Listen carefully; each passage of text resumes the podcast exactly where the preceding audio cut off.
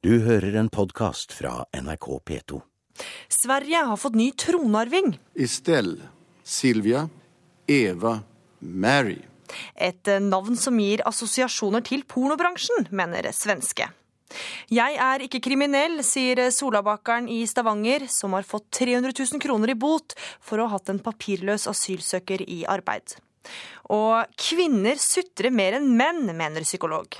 Tilbyr lederkurs i hvordan håndtere sure og baksnakkende damer. Du hører på Ukeslutt i NRK P1 og P2.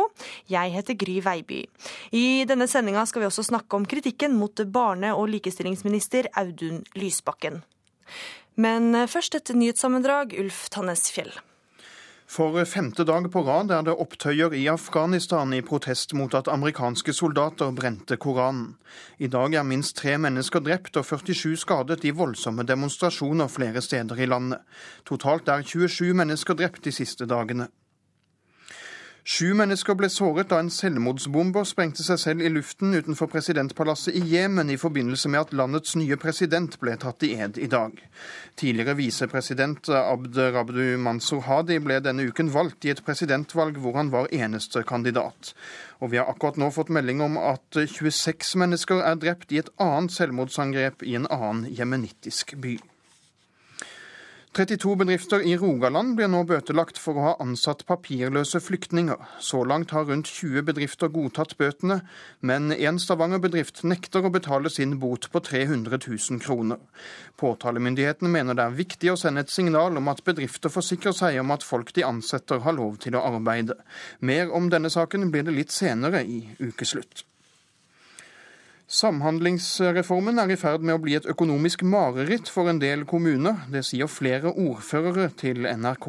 Fra nyttår fikk kommunene regningen for pasienter som ble liggende på sykehus etter at de er utskrivningsklare. Sør-Afrikas tidligere president Nelson Mandela er innlagt på sykehus. Det opplyser president Jacob Zuma. 93 år gamle Mandela har lenge slitt med dårlig helse, men Mandelas eldste barnebarn sier hun ikke er bekymret for tilstanden hans. I Vikersund er vindforholdene i dag noe bedre enn i går, og arrangøren av VM i skiflyvning har nå godt håp om at det kan avvikles tre omganger fra klokka 15. I går skapte vinden så store problemer at VM-omgangene måtte avlyses. Og nå fortsetter ukeslutt med mer om Lysbakken-saken. Ja, for det har storma rundt barne-, likestillings- og inkluderingsminister Audun Lysbakken den siste tida. Opposisjonen mener Audun Lysbakken har misbrukt fellesskapets midler. Jeg har eh, beklaget håndteringen av saken overfor Stortinget.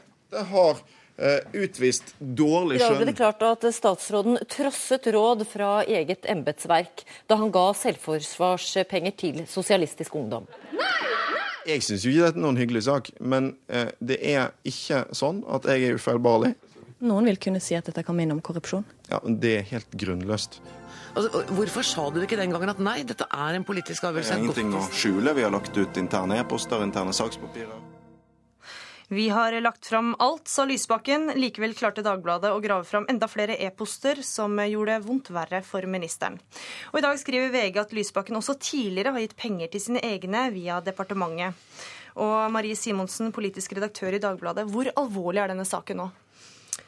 Den er uh, alvorlig fordi at den skal opp i kontroll- og konstitusjonskomiteen. Og det er uh, synes klart at, uh, at det er flere e-poster som ikke er kommet frem, og at det dermed kan komme nye opplysninger.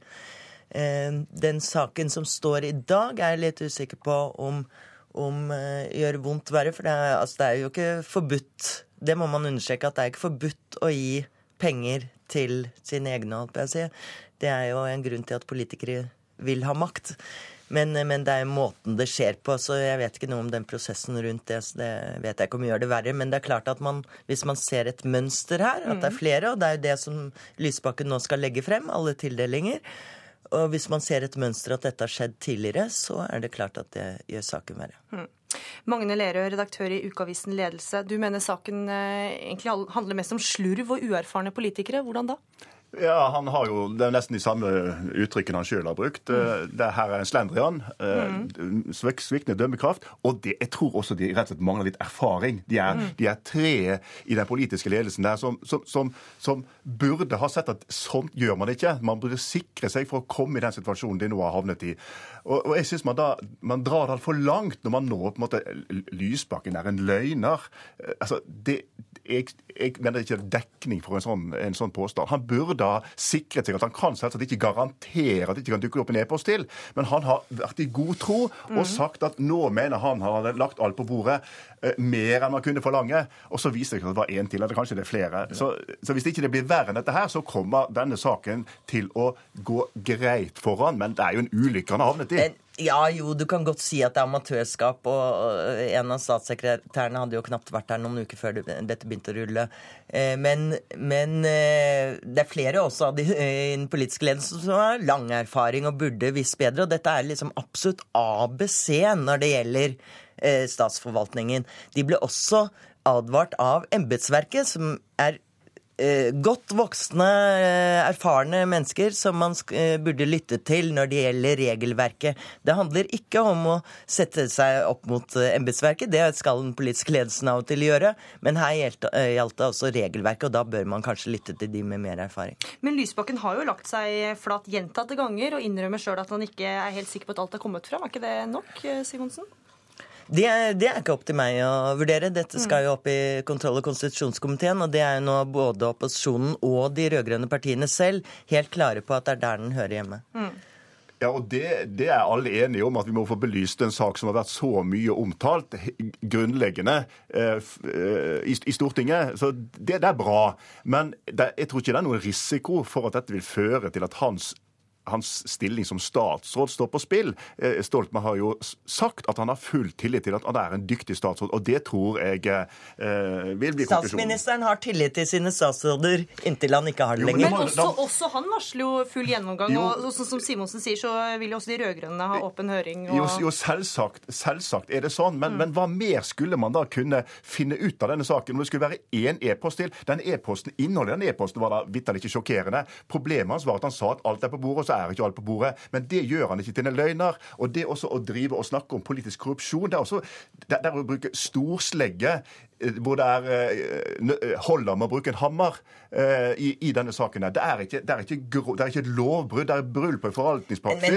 Og det er en uklok politisk ledelse som, som, som, vi her ser i aksjon. Og når en statsråd har beklaget to ganger og ikke vi får mer på bordet enn dette, så syns det vi får holde denne saken på et noenlunde fornuftig nivå. Men, men, det er jo ingen som snakker om politisk korrupsjon. Det er Transparency International ja. som har mm. sagt det en gang. Ellers har det ordet ikke vært brukt. Eh, det sentrale punktet her er jo eh, hva eh, Audun Lysbakken visste, og når. Foreløpig ser det ut som om dette først og fremst har vært håndtert av hans statssekretær. Men uansett så burde Audun Lysbakken hatt hånden på rattet. Mm. Særlig når han hadde en så uerfaren statssekretær, så burde han fulgt mer med i timen. Så det blir liksom hans ansvar uansett. Ja, det, Men det er jo det samme han sier. Altså, jo, men, men, men, men, det blir liksom det formelle ansvar, vet jo alle at han har. Men det sies jo mellom linjene da at det er statssekretærens skyld, egentlig. Og det tror jeg ikke man slipper unna med. Men hva gjør denne saken videre med Lysbakkens karriere som eh, påtroppende SV-leder, Simonsen? Det er jo en svak start. Altså Her har vi en eh, påtroppende SV-leder som skal reise kjerringa og har sagt han skal bli mye tøffere mot eh, Arbeiderpartiet, blant annet. Og øh, allerede før han har inntatt jobben, så må han reddes av Jens Stoltenberg.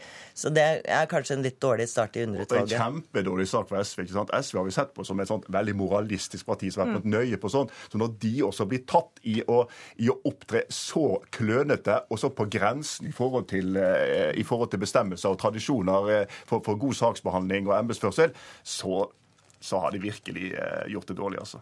Og Denne saken blir det garantert mer om eh, i tida som kommer. Takk for at dere kom til ukeslutt, Marie Simonsen og Magne Lerøe. Vi har selvsagt også invitert eh, Lysbakken til å delta i denne samtalen, men han har takka nei. Du hører en podkast fra NRK P2. Solabakeren i Stavanger er velkjent for potetkakene og lappene sine. Men nå har han også blitt kjent for sivil ulydighet. Rogalendingen nekter nemlig å betale en bot på 300 000 kroner for å ha hatt en asylsøker som har fått avslag på opphold i Norge, i arbeid. Nå havner saken trolig i retten i løpet av våren. Ja, nå steker de lapper. En mindre utgave av det som lenger nord på Vestlandet kalles sveler. Lukten av nystekte lapper fyller det lille produksjonslokalet her på gårdstunet til Solabakeren i Stavanger. Du starter i morgen, Hva When did you starter this morning? Five? Sultan four o'clock, yes. De tre arbeiderne har allerede vært i sving i flere timer. En maskin fordeler røren på et stort stekebrett før de blir snudd for hånd. Er det for lyset? Etter min mening, ja. Men det er jo smak og behag. Liker du de lyse eller mørke? Uh, mennesker trenger litt uh, stekebra brune, ikke lys. Men uh, den, den fargen er bedre, jeg tror. Se. Sultan er papirløs, men fordi Norge foreløpig ikke har noen returavtale med diktaturet Eritrea, kan han ikke sendes ut med tvang. Her ved bakeriet har han vært en trofast medarbeider gjennom åtte år. Han har betalt sin skatt og forsørget familien på fire. Men nå er det stopp. Han hadde arbeidstillatelse. Han hadde det meste, eller det som trengtes for å gå i jobb. Og at de på et tidspunkt fjerner det Eh, nå sies det jo ettertid at eh, arbeidstillatelsen den opphørte fjerne år før skattekortet ble tatt fra han. Skal jeg gjette det, jeg, da? I oktober i fjor kom politiet på døra til solabaker Bjørn Hagen og fortalte at han bryter loven dersom han ikke sparker Sultan. Det nektet han. Statsadvokaten svarte med å gi ham 300 000 kroner i bot. Det er jo hinsides det er fornuft. Du kan jo sammenligne med hva, hva straffer folk får for, for forbrytelser. Og så får jeg dette for å ta vare på sulten som en hederlig mann. I hvert fall har vært det så lenge jeg har kjent ham. Her er foreleggelse. Det står altså at boten er 250 000 hvis jeg vedtar i løpet av fem dager. Men hvis jeg skynder meg å vedta i løpet av fem dager sånn fulle farten, og så dette selvfølgelig ut, det, det er datert den 30. desember. Lille nyttårsaften. Nå skulle de ha fem dagers svar. Det er ikke pent gjort, det, syns jeg. Forelegget ligger fortsatt ubetalt i permen inne på kontoret. Men det har blitt viktig for deg å ikke betale denne boten? Nei, det er ikke viktig å ikke betale boten. Fremdeles ikke. Men det er viktig å ikke godta dette som skjer mot Sultan. Samboeren og barna til Sultan har fått opphold. Selv fikk han endelig avslag på asylsøknaden i august 2010. Men parallelt med gjentatte avslag fra UDI har han mottatt skattekort. Inntil i fjor. Det er jo et paradoks når politiet kom på døra her i fjor høst. Eh, og jeg vet jo at eh, jeg har Sultan i arbeid. Og så forteller de at de har funnet han i arbeidstakerregisteret.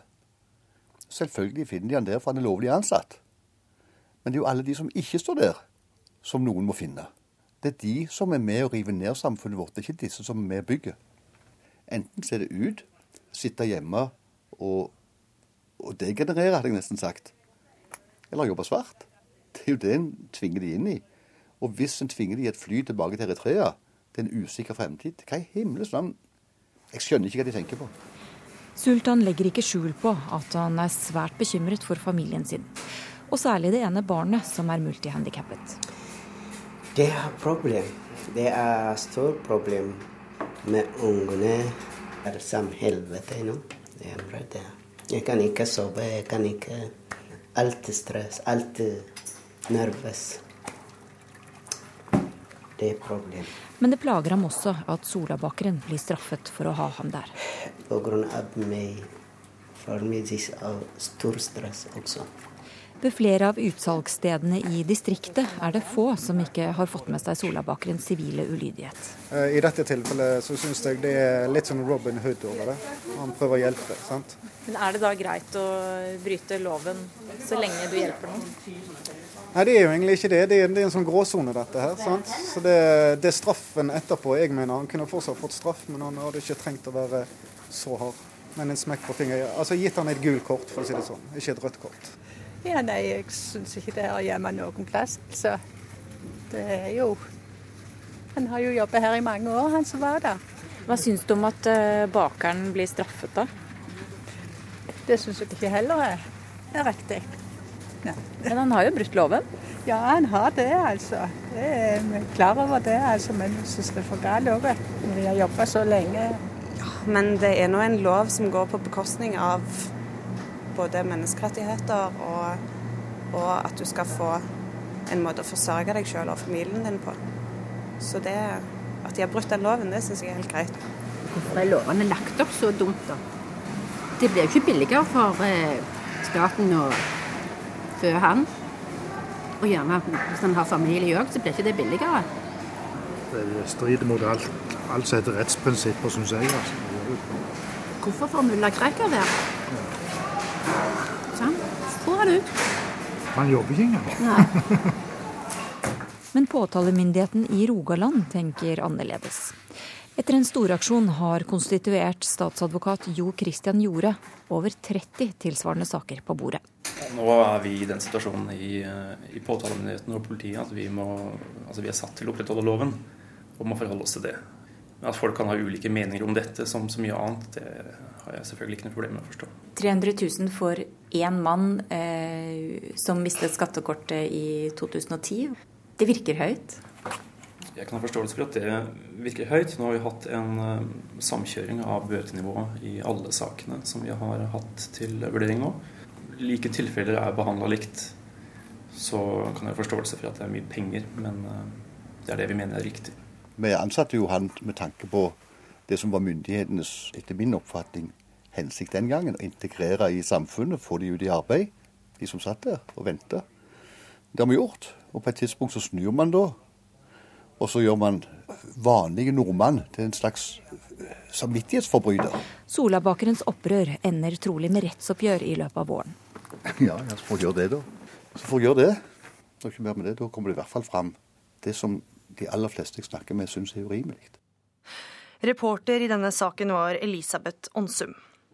Det er ikke bare Solabakeren som har fått bot for å ha papirløs i arbeid. 30 firmaer i Rogaland er bøtelagt for til sammen 5 millioner kroner for å ha hatt personer med avslag på asylsøknaden på lønningslista. Ingen fra Justisdepartementet eller Arbeiderpartiet hadde mulighet til å være med i denne debatten, men det hadde du, Morten Ørsal Johansen. Du er Fremskrittspartiets innvandringspolitiske talsmann. Og dere er helt på linje med Arbeiderpartiet i denne, i denne, saken. Hvorfor er det riktig å bøtelegge den som gir papirløse jobb? Ja, nå skal ikke jeg forsvare regjeringas politikk i, i, disse sakene her, men vi har, men det prinsipielle? Ja, vi har en lovgivning som sier at uh, du skal ha arbeidstillatelse i Norge. Vi har òg en lovgivning som sier at har du fått avslag på din asylsøknad, så er du per definisjon uh, ulovlig i Norge og skal reise hjem igjen. Hvis du da nekter å gjøre det, så bryter du norsk lov. Og da blir blir det feil hvis vi da skal kunne premiere lovbrytere med å la dem få jobbe. Mm. Leder for eh, Unge Venstre, Sveinung Rotevatn. Som eh, Johansen her sier, Har man fått avslag på søknad om asyl, så oppholder man seg jo ulovlig i landet. Hvorfor mener dere at papirløse allikevel skal få lov til å jobbe? Fordi at eh, Av og til så er det ikke enkeltpersoner det er noe galt med, av og til er det loven det er noe galt med. Og Det er det i dette tilfellet. Fordi i Norge i dag så bor det tusenvis av mennesker som ja, har fått avslag på en asylsøknad, men som ikke kan reise tilbake til landet de har kommet fra. F.eks. Sultan i dette tilfellet, som kommer fra diktaturet Eritrea, som er livsfarlig å reise tilbake til, og der Norge ikke har returavtale. Og Da er det litt rart at de da, eh, etter Frp og regjeringa sin mening skal måtte gå her på ytelser istedenfor å kunne jobbe og bidra. Og Frp gjør seg ofte til talsmann for at i forvaltninga skal det være mulig å vise skjønn, romslighet, fleksibilitet. Men det gjelder tydeligvis bare i byggesaker og ikke når det gjelder mennesker. Og det syns jeg er veldig trist. Ja, Johansen, ikke alle som har fått avslag på asylsøknaden sin kan jo faktisk reise tilbake til hjemlandet. Bør ikke de da få lov til å jobbe? Eh, når, når du har fått avslag på din asylsøknad, så er det en grunn til at du har fått avslag, nemlig at du ikke kommer kommer inn under de, de lovmessige hjemlene for å, å, få opphold i Norge, eh, da er det heller ikke livsfarlig, slik utlendingsmyndigheten definerer det, å reise tilbake til landet. Men selvfølgelig så begås det feil òg i forvaltningen. Jeg har sjøl sett en dels eksempler på det. Eh, det er vanskelig å gå inn i denne enkeltsaken eller å gå inn i enkeltsaker, men han må ha tiltro til at forvaltningen fungerer som en skal. Og hvis den ikke gjør det, så må han da selvfølgelig ta tak i det. Men prinsippet er at når du da er er, eh, har ulovlig opphold, altså du har vært nektet å få innvilget asyl, så har du altså ikke grunn til å få asyl, og du skal reise tilbake. Hvorvidt disse er papirløse eller ikke, det er ikke det det dreier seg om. De har papirer i massevis. UDI og UNE sitter på mye papirer, men disse nekter altså å etterkomme norsk lov og reise tilbake. Og Ifølge UD, utlendingsforvaltningen så er det ikke fare for liv og helse for dem å reise tilbake til landet de kommer fra. Ja, Rotevatn, de har jo faktisk fått avslag. Jo, men Og blitt er... vurdert av norske myndigheter. Ja, men de kan ikke reise tilbake igjen. Og Problemet er at eh, Frp og Arbeiderpartiet her, eh, har et inntrykk av at dette er folk som forsøker å lure seg unna systemet. Folk som forsøker å lure seg unna systemet og holde seg skjult, går vanligvis ikke til svoltestreik for å få et skattekort. Her i Norge går folk til svoltestreik for å få skattekort. Det er helt unikt i Europa. Altså, vi fører en asylpolitikk som er strengere enn den Nicolas Sarkozy og Silvio Berlusconi har ført. Vi er et av de få landene i hele Europa som ikke har ordninger for disse mennesker. Og sultene som vi snakker om her, har bodd i Norge i åtte år. Han har betalt skatt, han har familie, han har ingen mulighet til å reise tilbake igjen, og så skal han ikke få lov til å jobbe og bidra. Det syns jeg er illiberalt, og jeg syns det er dårlig samfunnsøkonomi. Johansen, ofte så eh, avviker jo myndighetenes vurdering på hvor det er trygt å reise tilbake fra menneskerettighetsorganisasjoners vurdering. Ja, det, det gjør det. og det er klart, det, som sagt, det er vanskelig å gå inn i de enkeltsakene. Men Mm. jeg går ut ifra at, at myndigheten har vurdert det på en, på en god måte. og Når de da finner ut at det er eh, trygt å reise tilbake, så, så må du gå ut ifra at, at utlendingsmyndigheten har rett i det.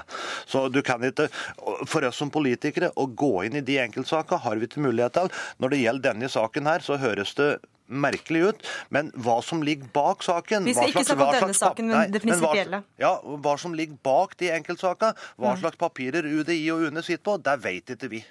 Men Norge mangler arbeidskraft, Johansen. Er det ikke et poeng å la dem som allerede er her, få bidra til samfunnet, istedenfor at de ikke skal få lov til å jobbe?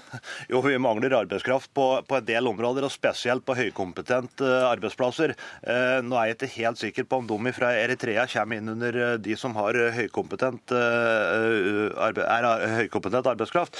Men uansett, skal du få opphold i Norge, så skal det være på lovlig grunnlag. Uansett om du er arbeidsinnvandrer eller er asylsøker eller hva du er, så er en, en, skal du gjennom en, en, en godkjenning for at du skal kunne være i Norge. Og hvis det ikke er grunnlag for den godkjenninga, så skal du heller ikke være her. Ja, Rotevatn vil ikke jobbe undergrave asylinstituttet. Nei, det vil ikke undergrave asylinstituttet. Jeg skulle ønske at Frp kunne bli med oss i Venstre og se til hva den borgerlige regjeringa i Sverige har gjort. For det har gjort noe veldig konkret, nemlig at hvis du har søkt om asyl og fått avslag, så bør du kunne bytte kø og søke om arbeidstillatelse istedenfor, hvis du har mye å bidra med. Resultatet av det har blitt at en nå i Sverige hvert år får nyte godt av 500 arbeidsinnvandrere som er godt kvalifisert, godt integrert, kan språket og er med å bidra.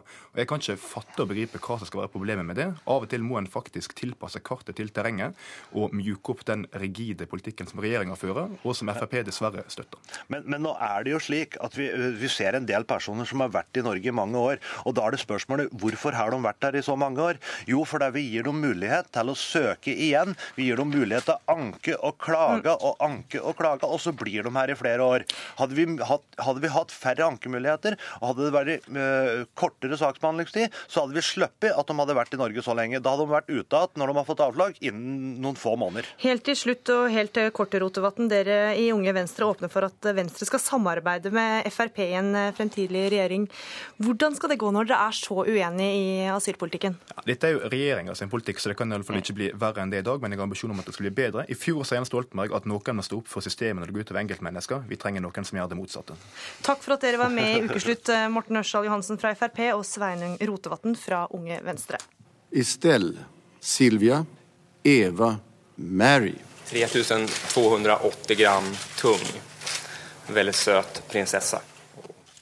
Ja, det var en eh, stolt prins Daniel som denne uka møtte pressen for å fortelle at Sverige har fått en ny tronarving.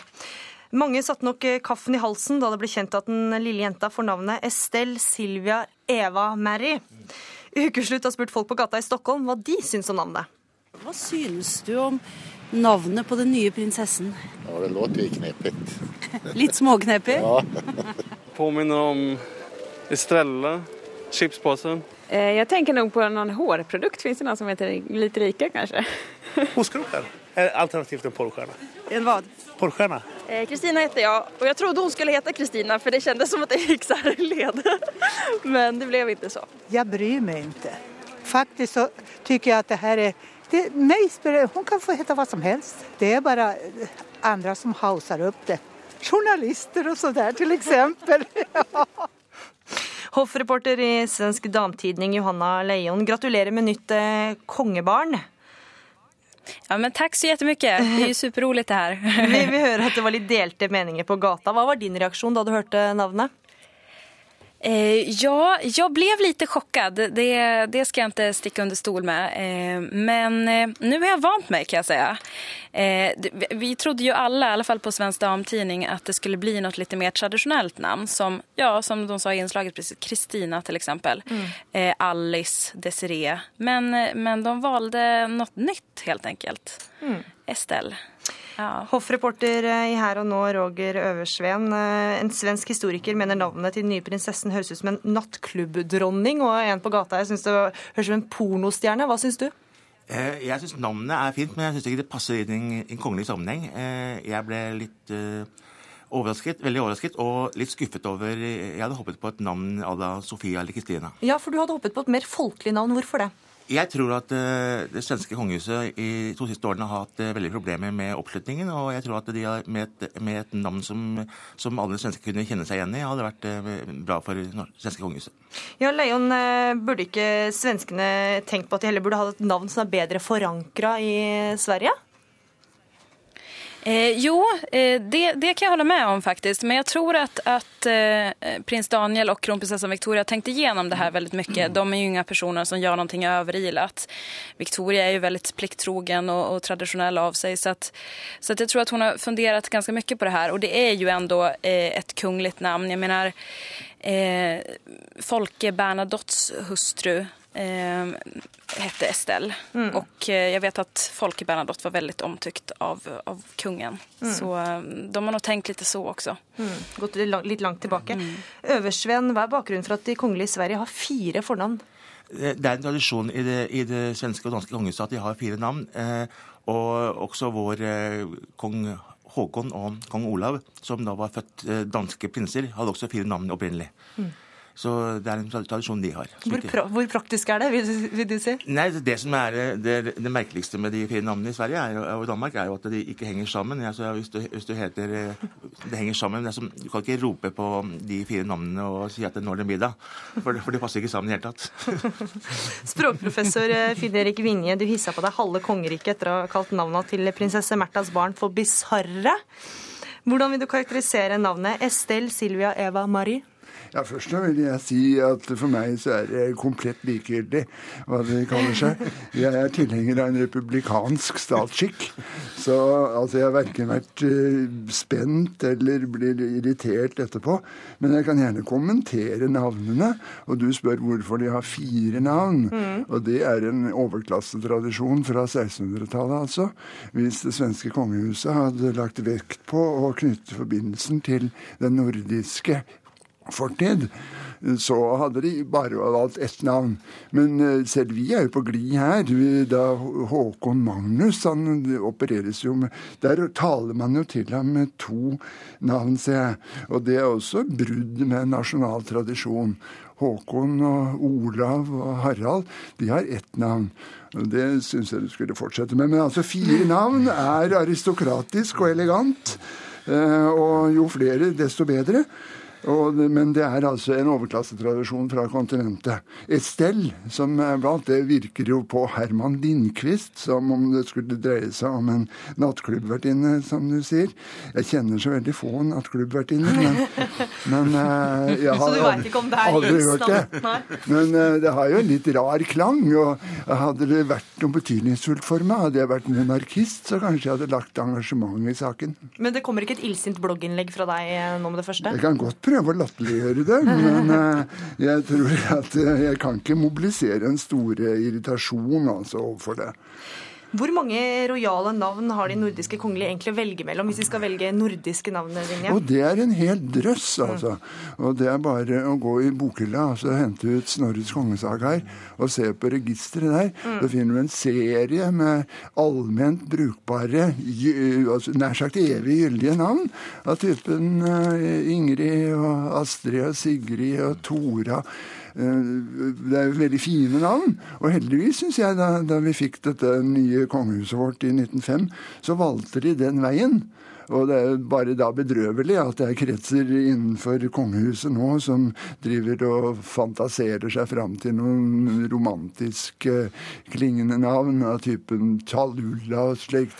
Det, jeg syns ikke det passer, spesielt ikke hvis dette mennesket skal gå omkring i det norske samfunnet og kalle seg Taluta, eller hva det er.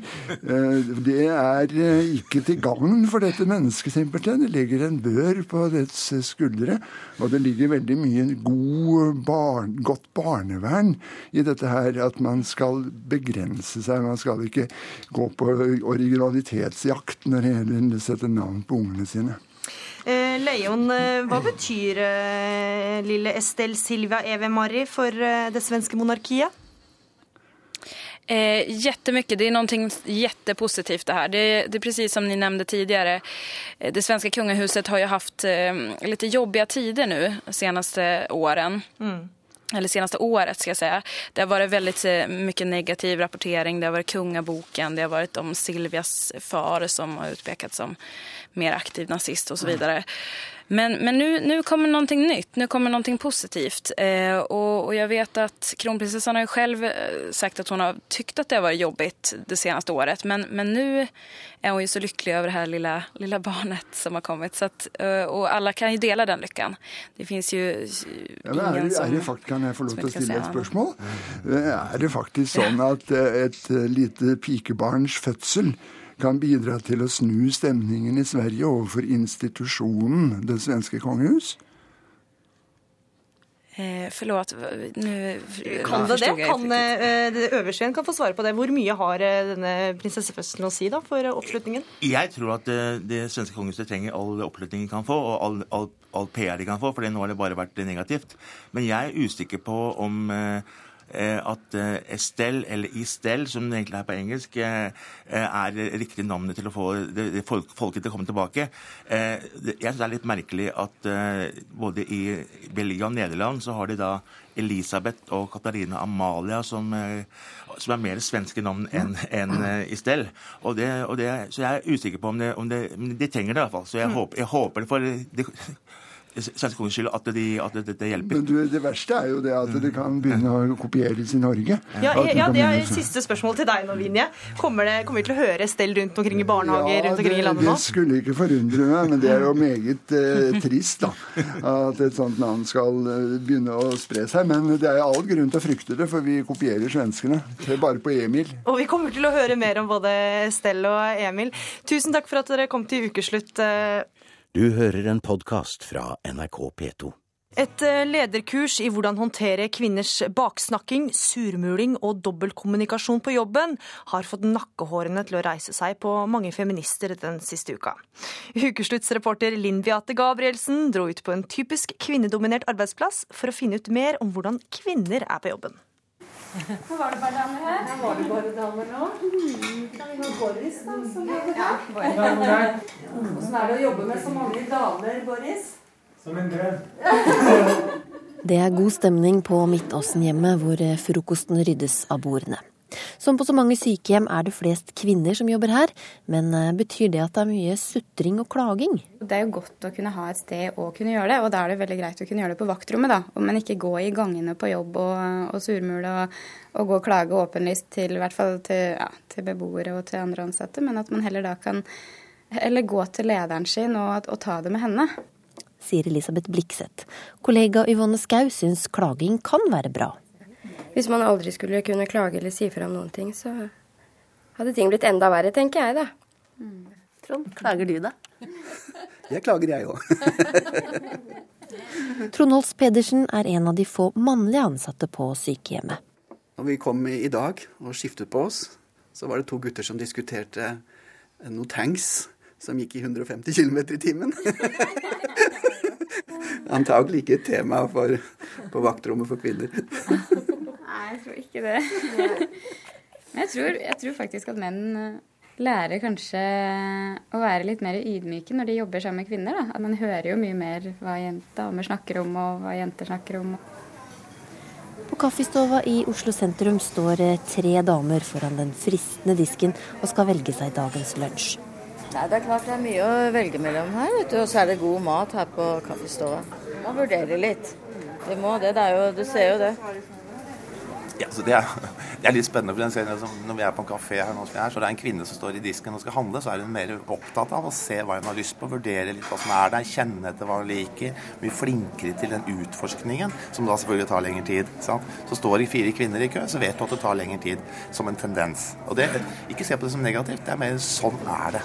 Jon Petter Fagerhaug er psykolog og foreleser ved det omdiskuterte kurset, hvor ledere kan lære å lede sutrende og baksnakkende kvinner. Det har skapt reaksjoner. Altså, det kan nok være at det er litt, altså, ene er litt politisk ukorrekt. Det andre er at vi er så veldig opptatt av likestilling og likeverd at vi tror vi er like. Eh, men det som er spennende, at det er som regel kvinner som reagerer på det. Og det syns jeg er litt paradoks. At det er kvinner som klager, og at de holder kurs i kvinner som klager. Og det blir litt sånn merkelig, merkelig paradoks òg. Men er det flere kvinner som uh, sutrer og baksnakker enn en menn? Ja, det tror jeg det er. Altså, jeg vet at det er farlig å si, men jeg tror det er fordi de er flinkere til å få det ut. altså Flinkere til å tenke høyt, flinkere til å snakke om det. Hva er den beste måten å håndtere dette på? da? La det komme ut. altså La det komme ut og se på det som to. Det ene er en verdifull informasjon. Det andre er en måte å skape et bedre miljø på. Og Jeg sier på mine kurs at klaging er bra.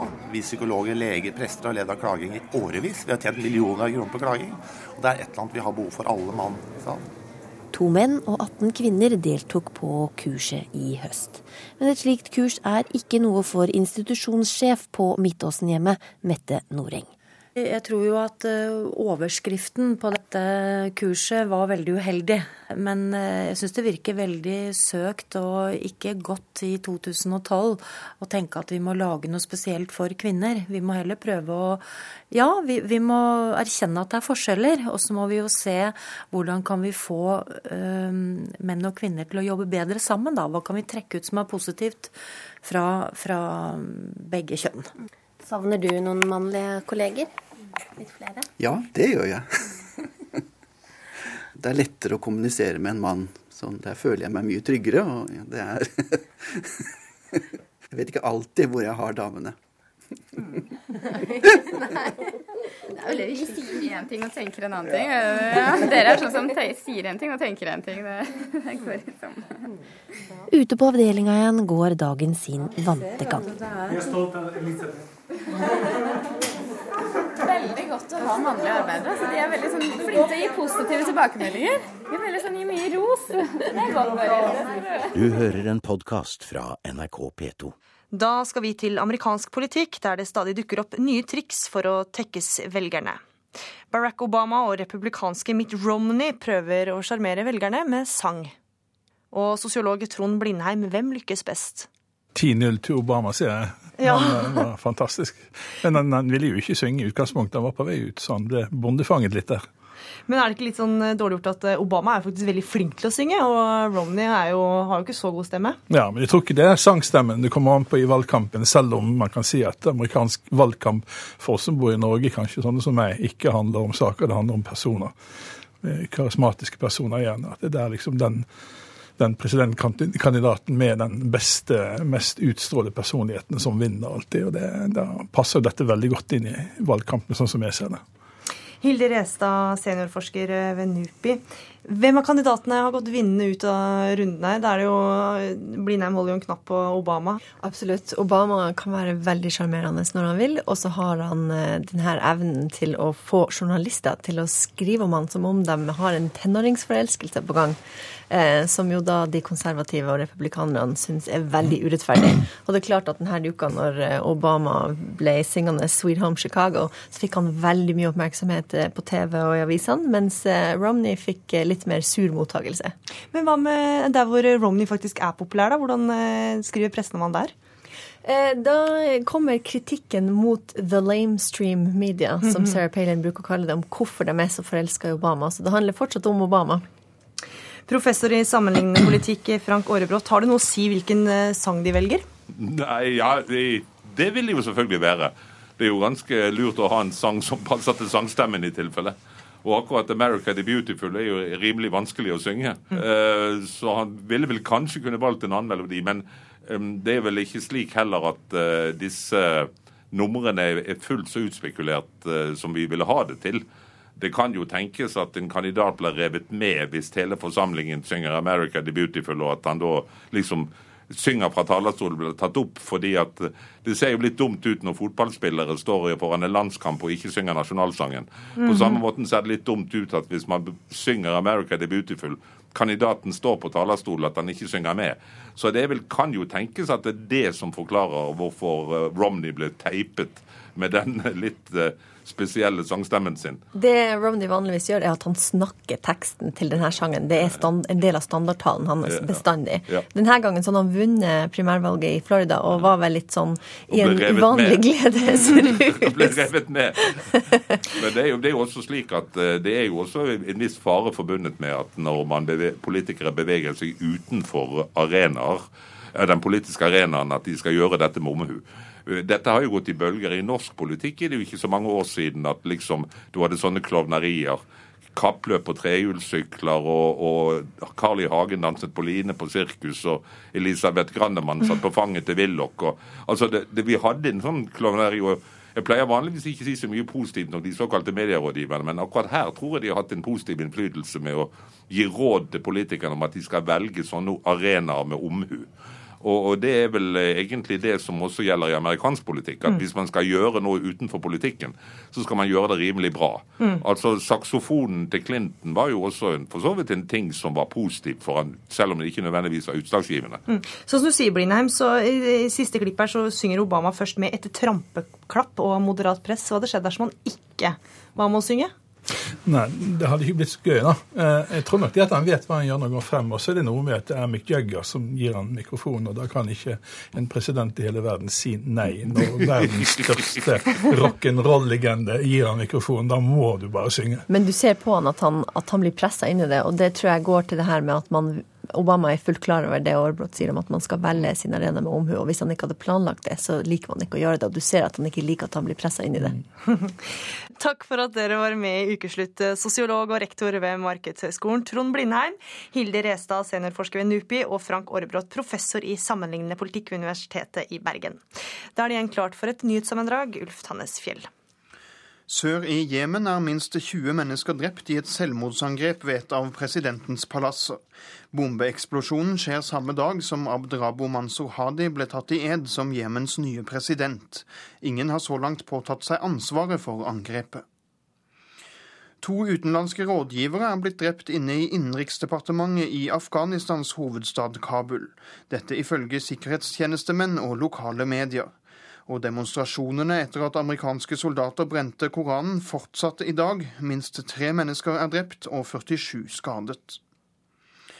Letemannskaper undersøker om mennesker kan ha blitt tatt av et snøskred som gikk utenfor løypene til skisenteret i Oppdal.